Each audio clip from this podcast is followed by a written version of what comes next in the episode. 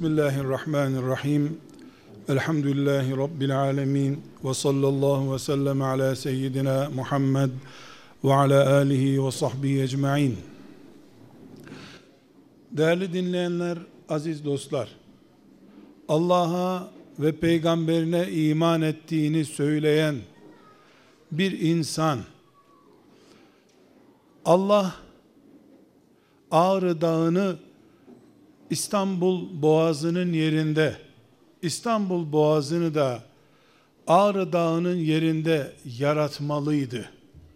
Böyle olması yanlış olmuş diyebilir mi? Bir Müslüman Akdeniz'in yeri yanlış. Kıbrıs adası Karadeniz'de olmalıydı. Bunu Allah yanlış hesaplamış diyebilir mi? Dese bu insanın Allah'a iman ediyorum demesinin bir kıymeti olur mu? Cevabımız tartışmasız bir cevaptır. Müslüman böyle konuşmaz. Çünkü Allah ne yaptıysa yerli yerinde en güzeliyle yapmıştır. Allah Ağrı Dağı'nı İstanbul'da yaratmadı çünkü öylesi güzel olmazdı. Allah Kıbrıs adasını Karadeniz'de yaratsaydı o bugünkü hikmetleriyle doğru bir şey olmazdı. Allah dağlardan ovalara, ırmaklara ve bütün kainatta onun hikmetiyle ve yaratmasıyla ortaya çıkmış her şeyde en büyük hikmet sahibidir. Hikmetun baligatun sınırsız bir hikmettir Allah'ın yaptığı her şey. Kabe'nin çölün ortasında Mekke'de olması da bir hikmettir. İstanbul Boğazı'nın Karadeniz'le Marmara Denizi'nin ortasında olması da bir hikmettir. Bir plandır ve gereklidir. Bizim hesabımıza göre Kabe çölün ortasında değil de daha ormanlık bir yerde olsaydı olmaz mıydı? Diyebiliriz. Bu çocukça olur, cahilce olur. Haddini bilmeyerek söylenir bir sözdür bu. Çünkü Allah tek bir karıncayı dahi hesapsız, plansız, yersiz, tesadüfen yaratmış değildir. Bir arabanın tekerinin altında kalan bir böcek de Allah'ın hesabı kitabında vardır. Bizim zavallı böcek ezildi dediğimiz şey Allah'ın planında bir iş içindir, bir sonuç içindir. Kardeşler, Ağrı Dağı'nın Kıbrıs adasının yeri yanlış olmadığı gibi her çocuğu da Allah bilerek ve en güzel şekilde yaratır. Hiç kimse kendi doğurduğu çocuğunu başkası ile kıyas ederek doğru bir iş yapmış olmaz. Kim, hangi kadın, hangi baba, hangi çocuğu doğurmuşlarsa o çocuğu muhakkak Allah yaratmıştır. Kıbrıs adasını Akdeniz'in ortasına kim koyduysa Ayşe ile Ali'nin çocuğunu da yaratan o Allah'tır. Allah Kıbrıs adasını Akdeniz'in ortasına Ağrı Dağı'nı da Anadolu'nun sonuna koymakla yanlış yapmadığı gibi bir anne baba adayına kıvırcık saçlı bir çocuk hırçın bir çocuk, mülayim bir çocuk, kız çocuğu, erkek çocuğu nasıl verdiyse o verdiği de en az, en az Kıbrıs adasını Akdeniz'in ortasına yerleştirmesi kadar Allah katında hikmetlidir. Her anne baba çocuğunun doktor, mühendis, çok varidiyatlı olmasını, büyük meslek sahibi olmasını ister.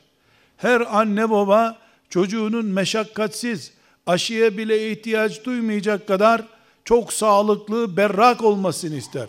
Her anne baba çocuğunun çok güzel, parlak, yakışıklı olmasını ister. Hatta bu yüzden 20 yaşına 30 yaşına gelse bile oğlu aman sakalları bitmesin, bıyıkları bitmesin, oğlum güzel, yakışıklı olsun ister. Her anne, her baba kızının dünyanın Züleyhası olmasını ister. Allahsa kimini güzel, kimini çirkin, kimini esmer, kimini beyaz, kimini topal, kimini astım hastası, kimini de filanca sıkıntısıyla yaratır. Anne, baba, dede, nine ne isterse istesin, insanlar Kıbrıs adası Karadeniz'de olsun, Akdeniz'den gitsin demekle onu götüremedikleri gibi, Allah'ın yarattığı bir çocuğa da hiçbir anne, hiçbir baba, hiçbir tıp imkanı farklılık veremez. Her anne en güzel, en uygun çocuğu doğurduğuna iman etmek zorundadır. Her baba babası olduğu çocuğun yeryüzünün tek çocuğu olduğuna iman etmek zorundadır. Velev ki o çocuk astım hastası olsun, lösemili olsun, sakat olsun, ne olursa olsun, çirkin olsun, özürlü olsun, hastalıklı olsun değil mi Allah yaratıyor? Allah Kıbrıs adasını yanlış yere koymadı da Ayşe ile Ali'nin çocuğunu mu yanlış yarattı? Her insan güzel, yakışıklı, zeki, daha henüz doğmadan önce maharetleri ortaya çıkmış çocuklar ister elbette. Her insan çocuğunun üzerinde mucizeler, hayaller gerçekleştirmek ister. Allah ise kendi yarattığı şeyi bildiği gibi yaratıyor. istediği gibi yaratıyor. Bir anne, bir baba kendisini düşünerek çocuğuna şekil verir. Niye doktor olsun oğlum, kızım diye düşünür anneler, babalar? Çocuğunun istikbali iyi olsun. O da istikbali iyi bir çocuğun babası olarak sorunsuz bir hayat yaşasın diye. Yani her annenin, her babanın kendi doğurduğu çocuğu üzerindeki hesapları egoisttir, bencildir. Sadece kendisini, ailesini bilemedin köyünü ve şehrini düşünmek çapındadır.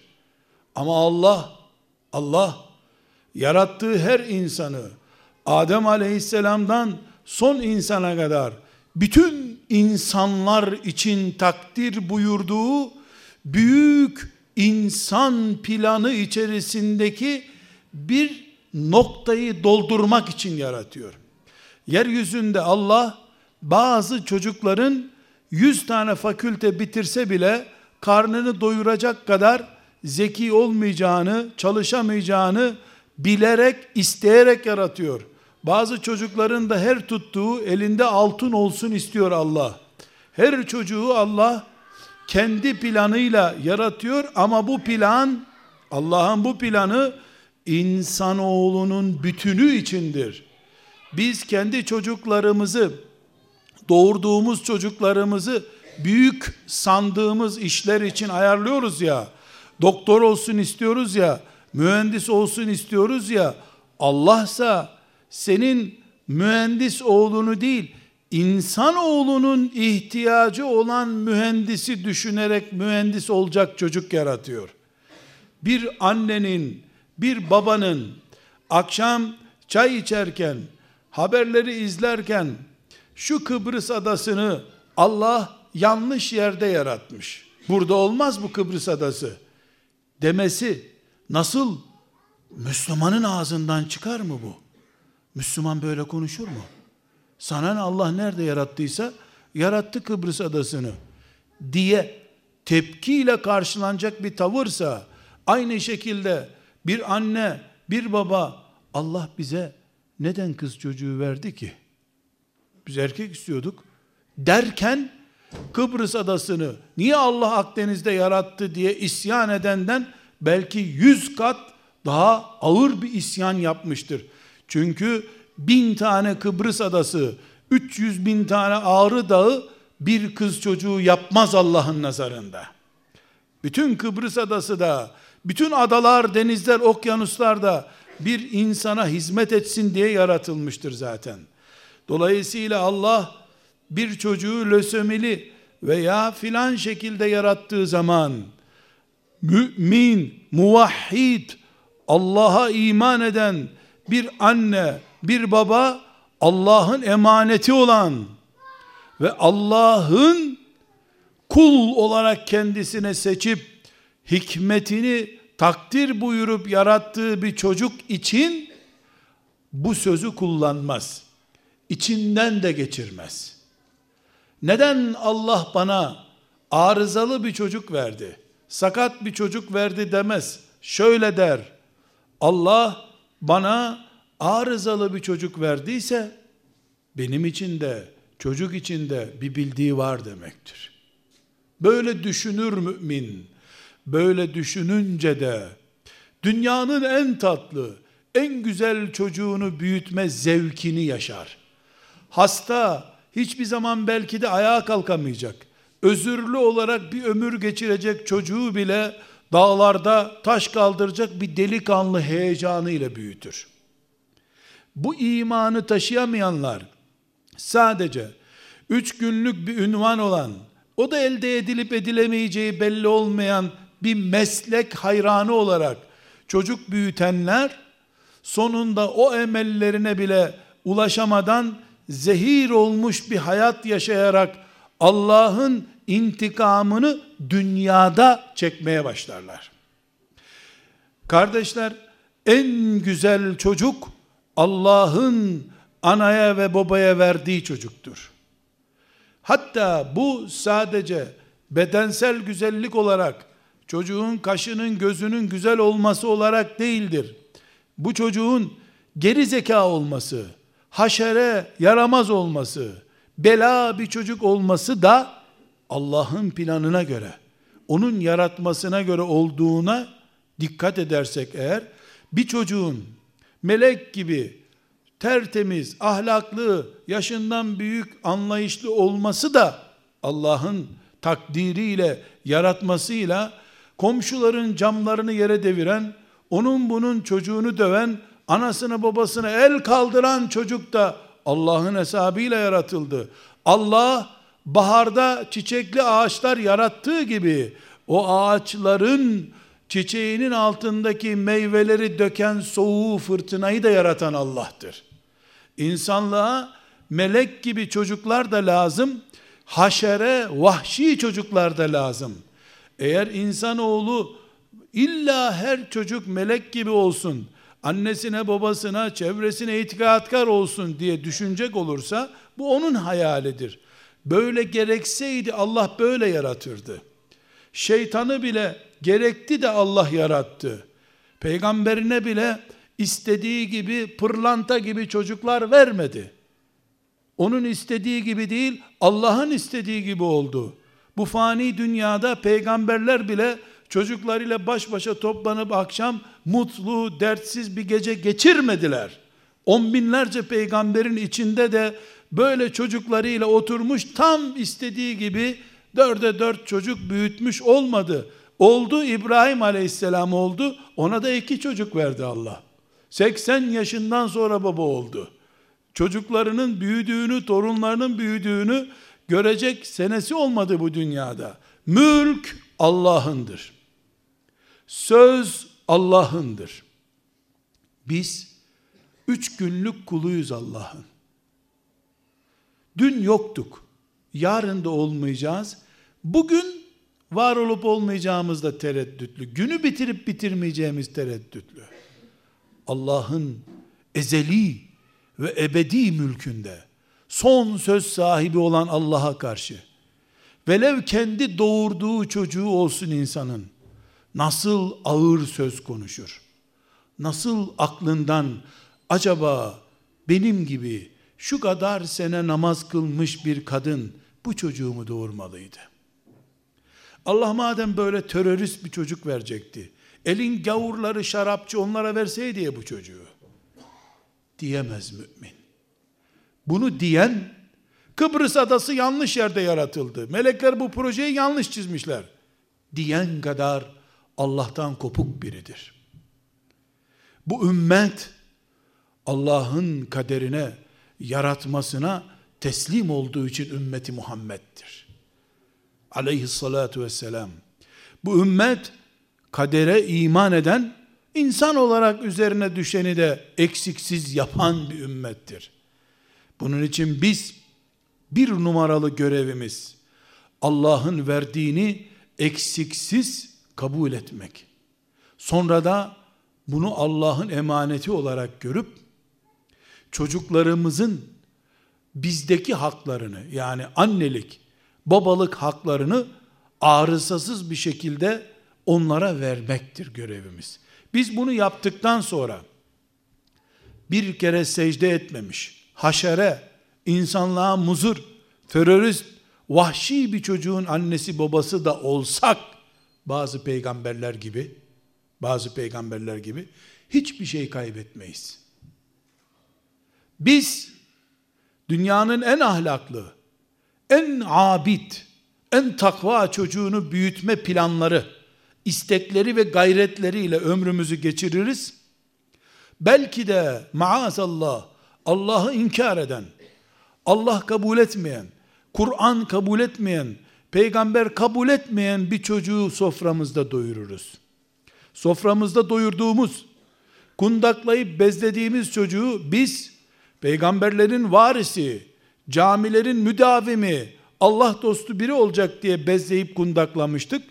Ama ana baba katili, cami düşmanı, Allah düşmanı biri olarak yaşarsa, bir gün böyle bir facia ile karşılaşırsak, biz büyüttüğümüzün değil, umup beslediğimizin karşılığını alırız Allah'tan.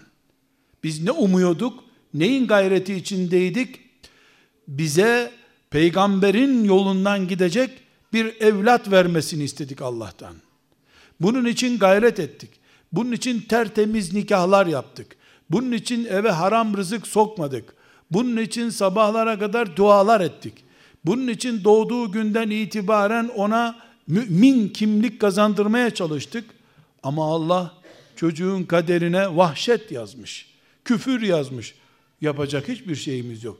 Eğer çocuğundan dolayı bir anne bir baba puan kaybedecek olsaydı bir sürü peygamberin cennete giremiyor olması lazımdı. Çocuk yetiştiremediler. Kendi doğurduklarına söz geçiremediler. Biz Allah'ın kaderine teslimiz. O teslimiyetimizin boyutu kadar da iyilik için, güzellik için çalışırız. Kardeşler, dostlar, şunu söylemek istiyorum.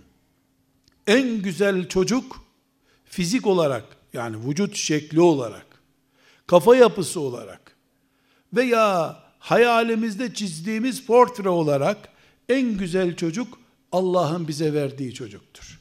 Bir gözü kör de olsa, bir ayağı felçli de olsa benim çocuğum değil mi Allah'tan geldi en güzel çocuktur. Yetimhaneden aldığın çocuğu iyi veya kötü alabilirsin. Allah yetimhaneden değil, levh-i mahfuzundan gönderdi bu çocuğu. Göklerden benim adıma yazılmış bir çocuktur bu. Mutlu bir aile yuvası ve huzurlu bir anne baba olmak isteyenler her şeyden önce oturup Kıbrıs adasını Allah yanlış yere koymadı.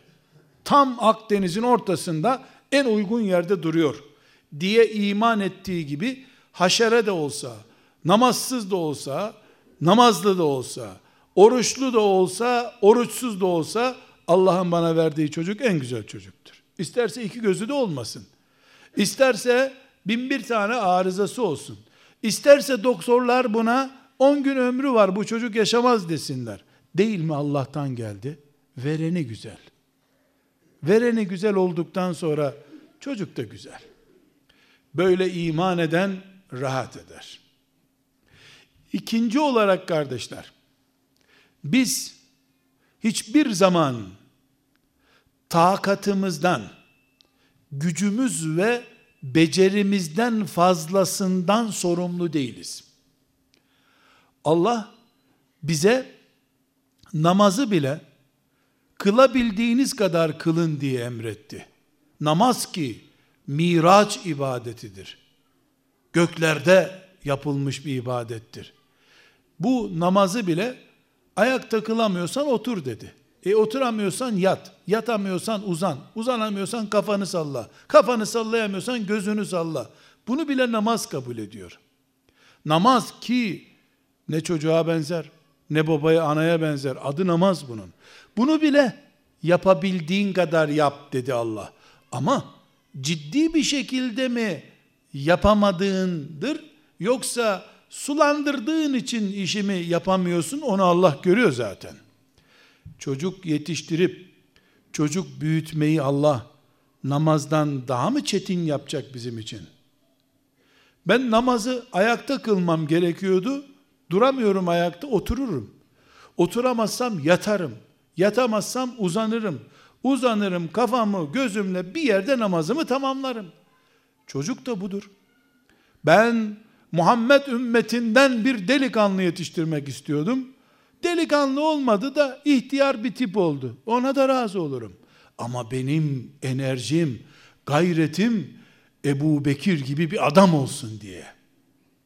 Ömer gibi bir adam yetiştirmek için uğraştım. Bunda da münafıkça kimlik göstermem. Delikanlıca. Ben bir kere delikanlıyım. Allah'tan Ebu Bekir gibi bir evlat isteyip, Ömer gibi bir evlat isteyip, ondan sonra da münafıklar gibi Allah'tan onu iste, kendin hazırlarken münafıklar gibi, kafirler gibi bir hayat örneği göster, çocuğu o zemine taşı, bu iki yüzlülüğü yapmam elbette. Samimi bir şekilde Allah'tan mümin, muvahhid bir delikanlı, bir hanım kız isterim. Ama Allah bana o kadar değil de biraz ibadet eden, dinden çıkmamış birisini verir.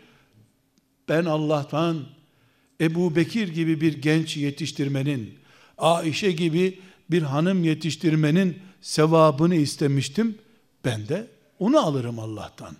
Allah oturarak da kılsam, yatarak da kılsam bana tam namaz sevabı veriyor mu vermiyor mu?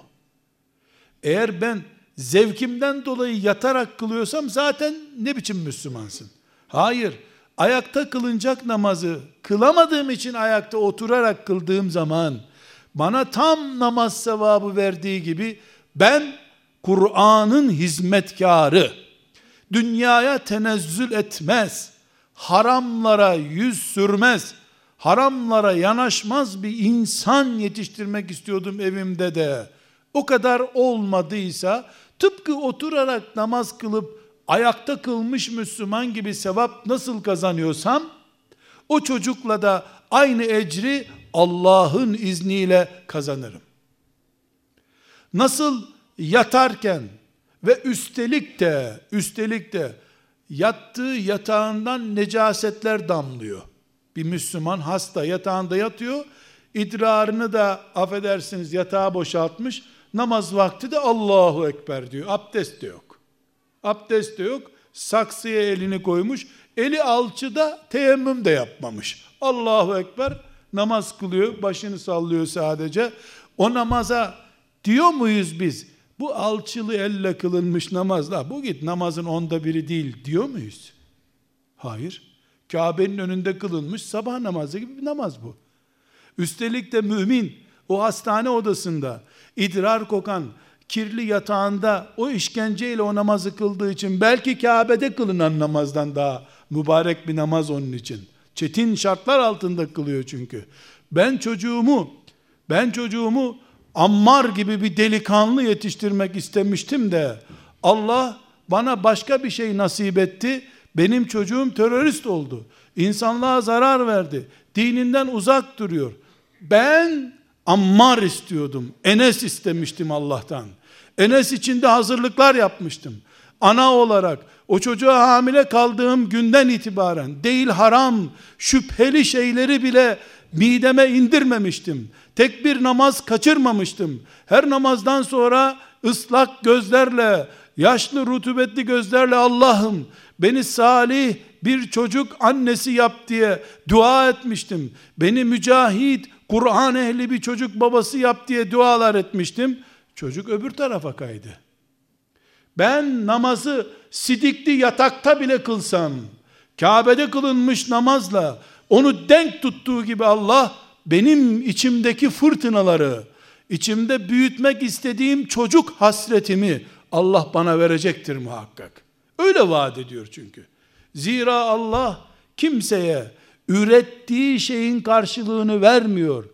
Niyet ettiği, azmettiği, gayret ettiği şeyin karşılığını veriyor.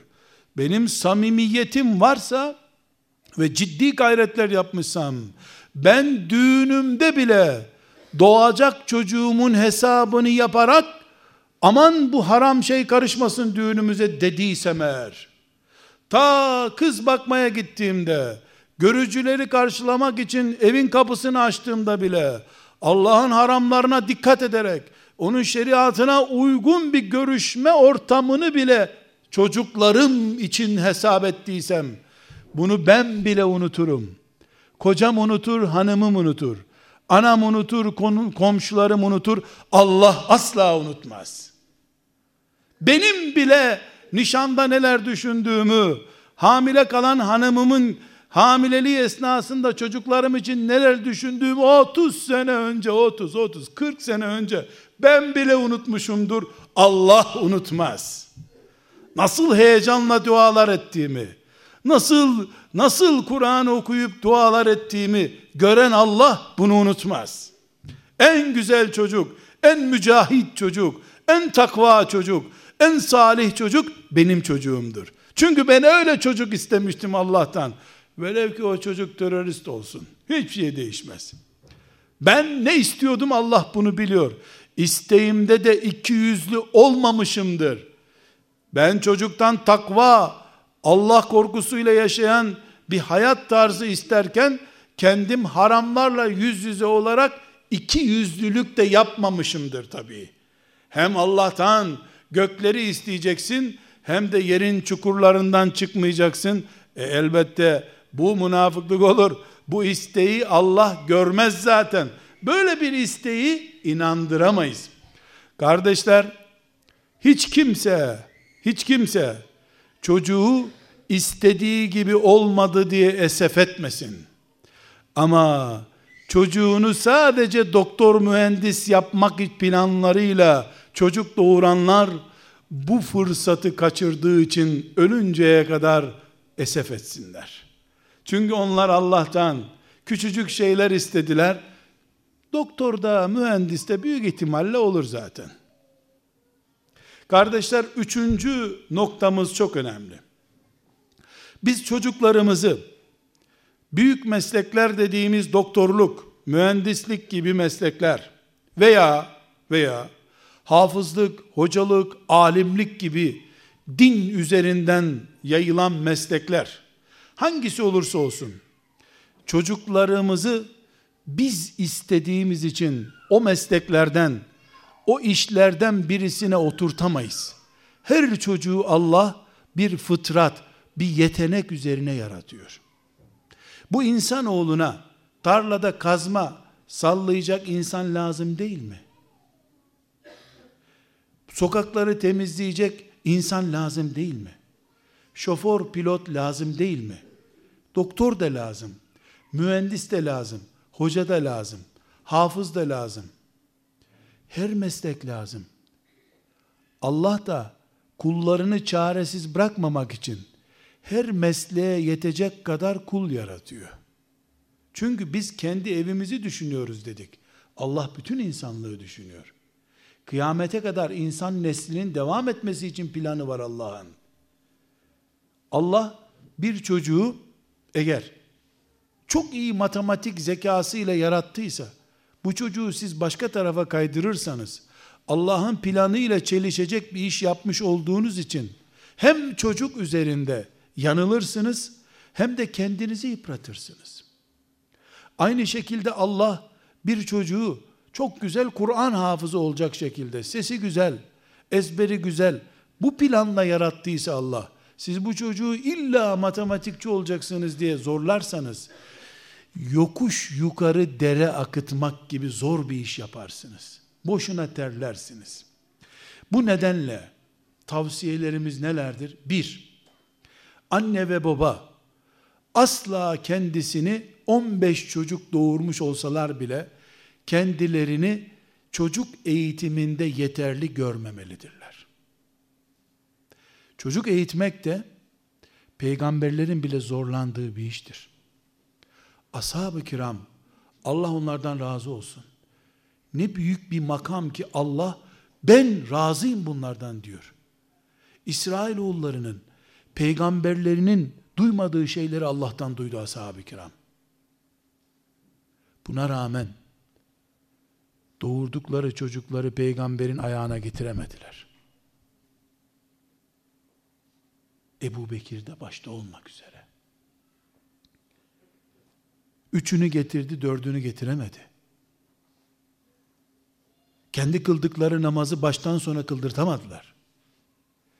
Kendileri ellerinde üç beş kılıç parçalandı bir günde, çocuklarına kalem bile tutturamadılar. Hepsi için demiyoruz. Ama 120 bin sahabiden hani 120 bin tane mücahit niye çıkmadı? Her birinin 5-10 çocuğu vardı üstelik. Ebu Bekir bile olsan, Ömer de olsan, çocuk yetiştirmek senin istediğinle olacak bir iş değildir. Çocuk yetiştirmek bir Allah'ın kaderini ister. O kaderde ne yazıyorsa olacak. İki, bütün insanlığın birikiminden istifade edeceksin. Anne ve baba kendi kendine bir şeyler yapmaya kalkmamalı. Sen kendi kendine bezlemeyi yapabilirsin. Mamasını yedirebilirsin çocuğun. Büyük insanlar yetiştirmek için ve çocuk ne için yaratıldıysa onu keşfederek keşfedildiği mesleğe doğru çocuğu kaydırmak için mümin, muvahhid, Allah korkusuyla yaşayan bir çocuk olarak, bir insan olarak yetişmesi için istişare edeceksin. Bilenlere danışacaksın. Ne istiyorsun? Allah'tan korkan bir çocuk mu? Allah'tan korkan birinden istifade edeceksin. Nasıl yetiştireyim bu çocuğu? Ne istiyorsun? Doktor mu olsun? Bir doktora soracaksın bu çocuk doktor olur mu diye. Ha ne istiyorsan o istediğin tarzda yetiştireceksin. Şimdi bu neye benzer biliyor musunuz kardeşler? Şimdi ben Karadenizliyim. Antalya'ya gittim. Baktım ki her yer muz. Bu nerede büyüyor dedim. Al dediler bu ağaçta büyüyor. Bunun bir fidanını verin bana. Aldım o fidanı götürdüm Kars'a. Diktim. İnşallah burada da muz yetişir. Muza para vermeyiz dedim. Kış olmadan kurudu gitti. Ya muz toprakta büyür ama her toprakta büyümez. Karadenizliler çaya abluka koydular. E taşıyalım biraz da Ege'de çay büyüsün o zaman. Karadenizlileri de tekel kurmasın bu çayın üzerinde diyorsun. Fidanını götürürken yolda kuruyor daha. Toprak bile toprak oldu. Aynı toprak. Aynı kil, aynı çamur ama her bitkiyi büyütmüyor, vermiyor. İnsan da böyle.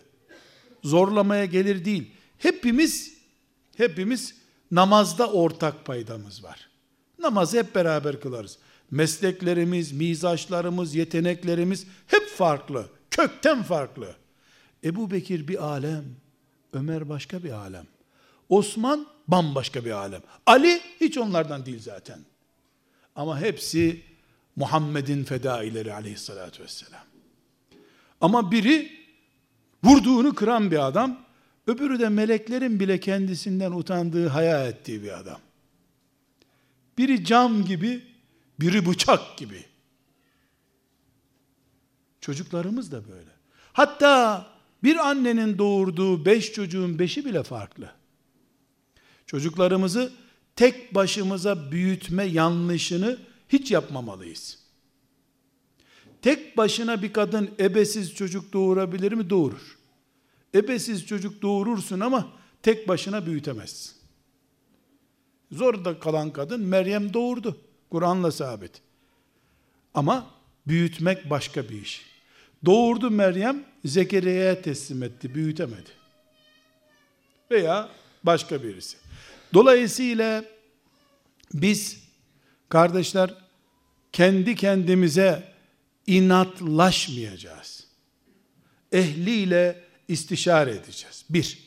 İkincisi, kesinlikle Allah'ın yardımı olmadan kimse çocuk büyütemez. Asla büyütemezsin. Tek başına bu dağlar aşılmaz. Herkes Allah'a sığınacak, Allah'tan yardım isteyecek. Bu yardımda da samimi olacağız. Nedir Allah'ın yardımında samimi olmak? Haram yiyene Allah yardım etmez. Sen ve çocuğun haram yememiş olacak. Allah ibadet etmeyeni desteklemez. Namaz kılacaksın, oruç tutacaksın, zekat vereceksin, hac gerekiyorsa hac yapacaksın. Allah iman eden, imanını ortaya koyan, salih ameller yapan kullarına yardım eder. Allah yardım etti mi de her iş kolay. Bu da ikincisi. Üçüncüsü çocuklarımızı Allah hiçbir zaman şeytandan uzak bir yerde büyütmemize müsaade etmeyecek. Peygamber çocukları da olsa çocuklar düşmanı ile beraber yaratılıyorlar. Şimdi diyorlar ki internet var, basın, medya, çevre çok kötü. E peki ashab-ı kiramın çocukları internet tarafından mı bozuldu? Hazreti Ali öldürmeye cesaret edenler, peygamberin torunlarını öldürenler Facebook'tan mı anlaşmışlardı gelip Hazreti Hüseyin'i öldürelim diye? Hadi şimdi devrimler Facebook üzerinden yapılıyor. Hayır. Şeytan şimdi Facebook bir şey kullanıyor. O zaman da başka bu kullanıyordu. Bir şey kullanır.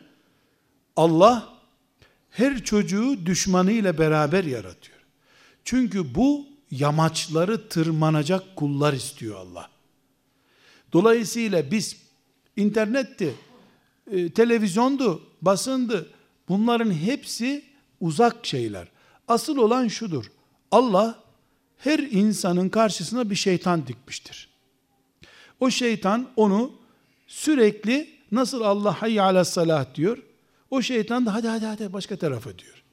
Bir kulağından ezan sesi girecek, öbür kulağından şeytan fiskosu girecek. Babanın, annenin vazifesi, çocuğunu kış günü soğuktan koruduğu gibi, yaz günü öğle vakti güneşten koruduğu gibi, çocuğunu şeytandan koruyacak. Bu şeytan, hep internet değil, bazen haladır, bazen teyzedir, bazen amcadır, bazen komşudur, bazen akrabadır, bazen sokaktır. Ne olduğu çok önemli değil. Çocuğu hani internete takılmasın dersin, internete rahmet okutacak bir akrabaya takılır. Anne baba hiçbir şekilde çocuğunu yalnız bırakmayacak. Her 10 dakika yalnız vakit şeytanla baş başa geçirilmiştir. Ne zamana kadar? Sen veya o bu dünyadan çekip gidinceye kadar. Evlenince de yalnız bırakma çocuğunu. Gene senin yönlendirmene, şefkatine muhtaç. Kardeşler, en güzel çocuğun standardını bilmek istiyoruz. En güzel çocuk Allah'ın yarattığı çocuktur. Allah çocuğumuza hangi sıkıntıyı, hangi tipi verirse versin, onu Allah'ın emaneti olarak, bize uygun gördüğü çocuk olarak kabul edeceğiz. O çocuğu bağrımıza basacağız. Biz çocuklarımızı fıtratlarını zorlamadan yetiştireceğiz. Fıtratı zorlanmış bir çocuk ne senin istediğin gibi olur ne de sana hayır eder. Çocuğu da harap edersin, kendin de kahrolursun. Fıtrat ne demek? Ne için yaratıldıysa çocuk o. Burada ince bir ayar yapmak istiyorum. Peki çocuk hiçbir dersine çalışmıyor. Evde hiçbir denen şeyi yapmıyor. Şimdi bunu da mı fıtrattan kabul edeceğiz? Evet. Bu çocuğu ders çalışmıyor. Bakkala git diyorsun gitmiyor. Otur diyorsun ayakta duruyor. Ayağa kalk diyorsun yatıyor. Her şeyin tersini anlıyor çocuk. Tamam. Bu çocuğu ne yapacağız biz? Bakacağız. Bu çocuk geçici bir sinir krizi mi yaşıyor? Yaratılışı mı böyle? Geçici bir sistemse bunu tedavi edeceğiz. Nasıl tedavi edeceğiz? Sabrederek, hayrı yönlendirerek, beddua etmeyerek, dua ederek, iyi arkadaş çevresine eriştirerek, hayır bu çocuk düzelmez. 20 senedir böyle sıkıntılıysa onu insanlığın başına bela etmeyeceğiz. Kıracaksa evde bir şeyler kırsın diye bekleyeceğiz. Çünkü Allah bir kulunu filan sendromu olan bir hastalıkla yaratıyor. Anne 30 yaşında çocuğun altını temizliyor. 30 senedir. Öbür kuluna da çok zeki, çok çalışkan bir çocuk veriyor. Ama o çocuk sevdiği bir kızla evlenip 60 yaşında annesini hastanede bırakıp tatile gidiyor. Birini Allah bir yaşından itibaren çocuğunun imtihanıyla imtihan etmiş, öbürünü de 60 yaşında en kritik gününde çocuğuyla imtihan etmiş. Öbürü de hırçın yaramaz bir çocuk. Merdivenden kafasının üstünde iniyor. Çocuk mu çocuk işte. Anne baba sabır makinasıdır. Sabreder. Sabrederek kazanır. İsyan ederek bu dünyada insanın eline geçecek tek şey hastalıktır. Dert edersin, genç yaşta hastanelere düşersin. En güzel çocuk kucağımızdaki çocuktur. En güzel çocuk yemek masasında karşımıza oturan çocuktur. Herkes Allah'ın verdiği çocuğu Allah'ın emaneti olarak bilsin. Yetimhaneden aldıkların hariç. Çünkü o senin çocuğun değil. O senin çocuğun değil. Kardeşler, yaşadığımız çağ ciddi bir medya çağıdır. Bu ciddi medya çağında çocukları çikolata reklamı yapmak için olduğundan fazla şirin göstererek, allayak pullayarak medyada insanlara gösteriyorlar. İnsanlar da zannediyor ki nerede bir hırçın çocuk varsa bizim sülaleye rastlamış. Şu filmlerde oynayan çocuklara baksana ya ne nazik. Çocuk o rolü yapsın diye kaç yüz defa egzersiz yapıyor biliyor musun sen? İşte bizim çocuk hiç nazik konuşmuyor. Ne biliyorsun? Filanca çocuğa baksana ne kadar nazik konuşuyor. O çocuğu annesiyle konuşurken gördün mü sen hiç? O filmde öyle konuşuyor. Ona bir sürü para vaat etmişler böyle konuş diye. Nezaket tabiata uygun olduğu zaman güzel bir şeydir. Rol için yapılmış nezaket nezaket değildir. Herkes çocuğunun kıymetini bilsin. Herkes çocuğunu Allah'ın emaneti olarak görsün. Herkes çocuğu üzerinde en büyük planları yapsın. En büyük hayalleri kursun. Cennet hayali kur. Arş hayali kur. Bu çocuğu kucağıma alıp Enes İbni Malik'i anasının götürdüğü gibi ben de cennette Resulullah'a götüreceğim de hayal kur. Bu hayaline göre de çalış, gayret et, yılma, yorulma. Sonu ne olursa olsun değil mi kararı Allah verecek de merak ediyorsun. Allah çocuklarımızı da bizi de kendilerine kul olma zevki ve huzuruyla yaşayan kullarından kılsın diyorum. Teşekkür ediyorum. Selamun Aleyküm.